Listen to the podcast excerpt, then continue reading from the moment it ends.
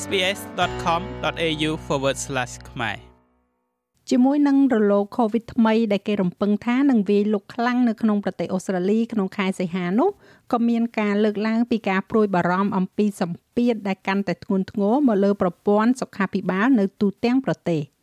គេក៏មានការព្រួយបារម្ភផងដែរអំពីការកើនឡើងនៃចំនួនមនុស្សស្លាប់នៅក្នុងមណ្ឌលមើលថែទាំមនុស្សចាស់ដោយសារតែការរឹតបន្តឹងមួយចំនួនត្រូវបានបន្ធូរបន្ថយបន្ថែមទៀត មណ្ឌលមើលថែទាំមនុស្សចាស់ Huntingdon Gardens នៅភូមិខាងត្បូងទីក្រុង Sydney នឹងមិនផ្លាស់ប្ដូរច្បាប់ទម្លាប់របស់ខ្លួនជំវិញអ្នកដែលអាចទៅសួរសុខទុក្ខក្នុងមណ្ឌលនេះបានទេ បន្ទាប់ពីបានពិគ្រោះយោបល់ជាមួយនឹងអ្នករស់នៅក្នុងមណ្ឌលនោះនាយកសេវាថែទាំនៅមណ្ឌលនេះគឺលោក Feng Chen និយាយថាអ្នករស់នៅក្នុងមណ្ឌលជាច្រើនមិនចង់បានច្បាប់ផ្លាស់ប្ដូរថ្មីនេះទេ all the residents express their wishes and they just say keep អ្នករស់នៅក្នុងមណ្ឌលទាំងអស់បានសម្ដែងនៅគោលបំណងរបស់ពួកគេចង់បន្តជាមួយនឹងការរៀបចំនាពេលបច្ចុប្បន្ននេះដូច្នេះខ្ញុំសូមឲ្យភ្ញៀវទាំងអស់ដែលមកសួរសុខទុក្ខនៅមណ្ឌល Huntingdon គួរតែចាក់វ៉ាក់សាំងរបស់ពួកគេវាគឺជាការជួយសង្គ្រោះដល់អ្នកដែលរស់នៅក្នុងមណ្ឌលនេះចំនួន171នាក់ they people want to visit ខ្ញុំគិតថាបើអ្នកចង់ទៅសួរសុខទុក្ខអ្នករស់នៅក្នុងមណ្ឌលមើលថែទាំមនុស្សចាស់ពួកគេគួរតែចាក់វ៉ាក់សាំងយើងទាំងអស់គ្នាបានចាក់វ៉ាក់សាំងរួចហើយហើយហេតុអ្វីបានជាគួរឲ្យពួកគេចូលមកធ្វើឲ្យយើងឈឺនោះរដ្ឋ New South Wales កំពុងតែផ្លាស់ប្ដូរឲ្យស្របគ្នាទៅនឹងរដ្ឋផ្សេងទៀតដូចជារដ្ឋ Victoria និងរដ្ឋ Queensland ដែរនៅក្នុងការអនុញ្ញាតឲ្យអ្នកដែលមិនបានចាក់វ៉ាក់សាំងទៅសួរសុខទុក្ខនៅមណ្ឌលមើលថែទាំមនុស្សចាស់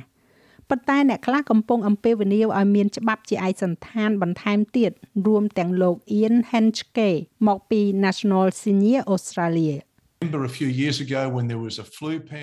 កាលពីប្រហែលឆ្នាំមុននៅពេលដែលមានការរាតត្បាតនៃជំងឺគ្រុនផ្ដាសាយវាបានក្លាយទៅជាកាតព្វកិច្ចសម្រាប់ប្រជាជនឲ្យចាក់វ៉ាក់សាំងបង្ការជំងឺគ្រុនផ្ដាសាយនៅមុនពេលដែលពួកគេចូលទៅក្នុងមណ្ឌលមើលថែទាំមនុស្សចាស់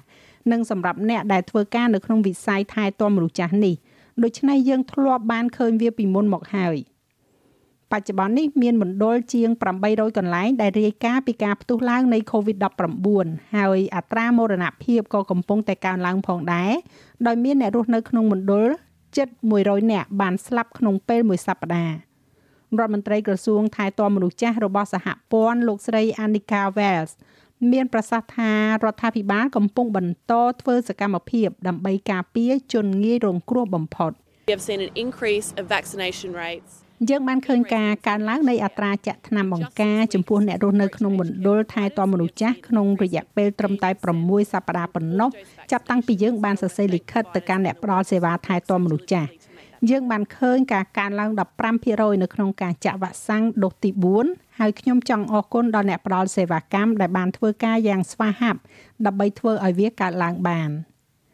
លោកស្រីរដ្ឋមន្ត្រីមានប្រសាសន៍ទៀតថាលោកស្រីនឹងជួបជាមួយនឹងអ្នកផ្ដល់សេវាកម្មថែទាំមនុស្សចាស់នៅសប្តាហ៍ក្រោយនេះក្នុងគោលបំណងកាត់បន្ថយការរីករាលដាលនៃវីរុសកូវីដ -19 លោកស្រី Wells បានគូបញ្ជាក់អំពីផែនការរដូវរងារបស់រដ្ឋាភិបាលក្នុងការដោះស្រាយការកើនឡើងដែលគេរំពឹងទុកជាមុននេះដោយផ្ដោតទៅលើការចាក់វ៉ាក់សាំងការទទួលបានថ្នាំប្រឆាំងមេរោគនិងការបណ្ដុះបណ្ដាលការគ្រប់គ្រងការឆ្លងមេរោគចំនួនករណីឆ្លងនិងការសម្រាប់ព្យាបាលនៅមន្ទីរពេទ្យកំពុងតែកើនឡើងដោយរលកនេះនៅមិនទាន់ឈានដល់ចំណុចកំពូលនៅឡើយទេ ក្រុមអ្នកជំនាញរួមទាំងសាស្ត្រាចារ្យ Margaret Hallett នៃវិទ្យាស្ថាន Burnett ប្រមានថាកម្រិតកំពូលគួរតែមកដល់ក្នុងខែសីហាប៉ុន្តែគេមិនរំពឹងថាវានឹងធ្ងន់ធ្ងរដោយកាលពីខែមករានោះទេ As best as we can tell ចំណុចល្អបំផុតដែលយើងអាចប្រាប់បានថាចំណុចកំពូលនឹងឈានដល់ប៉ុន្តែវានឹងមិនអាក្រក់ដូចក្នុងខែមករាទេក្នុងដំណាក់កាលនេះ ប៉ុន្តែយើងអាចធ្វើបានល្អជាងនេះទៀតហើយអ្វីដែលខ្ញុំតែងតែស្នើសុំប្រជាជនធ្វើនោះគឺបំបែកគំរូរបស់យើង បំបែកដោយការពាក់ម៉ាស់ដោយការចាក់វ៉ាក់សាំងដូច្នេះចំណុចឆ្លងកំពូលរបស់យើងនឹងមិនសូវជាខ្លាំងក្លានោះទេនោះគឺពិតជាអស្ចារ្យណាស់ប្រព័ន្ធសុខាភិបាលនៅទូទាំងប្រទេសកំពុងតែជួបប្រទះនូវភាពតានតឹងដ៏ធំសម្បើមមួយនៅរដ្ឋ Victoria បុគ្គលិកសុខាភិបាលជិត2000នាក់ បច្ចុប្បន្នកំពុងតែឈប់សម្រាកពីការងារដោយសារជំងឺ Covid ឬក៏គ្រុនប្រសាយមន្ទីរពេទ្យ Alfred បានពន្យាពេលការវះកាត់ដែលអាចរងចាំបានមួយចំនួនដោយសារតែចំនួនករណីបន្តកើនឡើងក៏ដូចជាការសម្រាប់ព្យាបាលនៅមន្ទីរពេទ្យក៏កើនឡើងផងដែរអភិបាលរដ្ឋស្ដីទីនៃរដ្ឋ Victoria លោកស្រី Jacinta Allen មានប្រសាសន៍ថា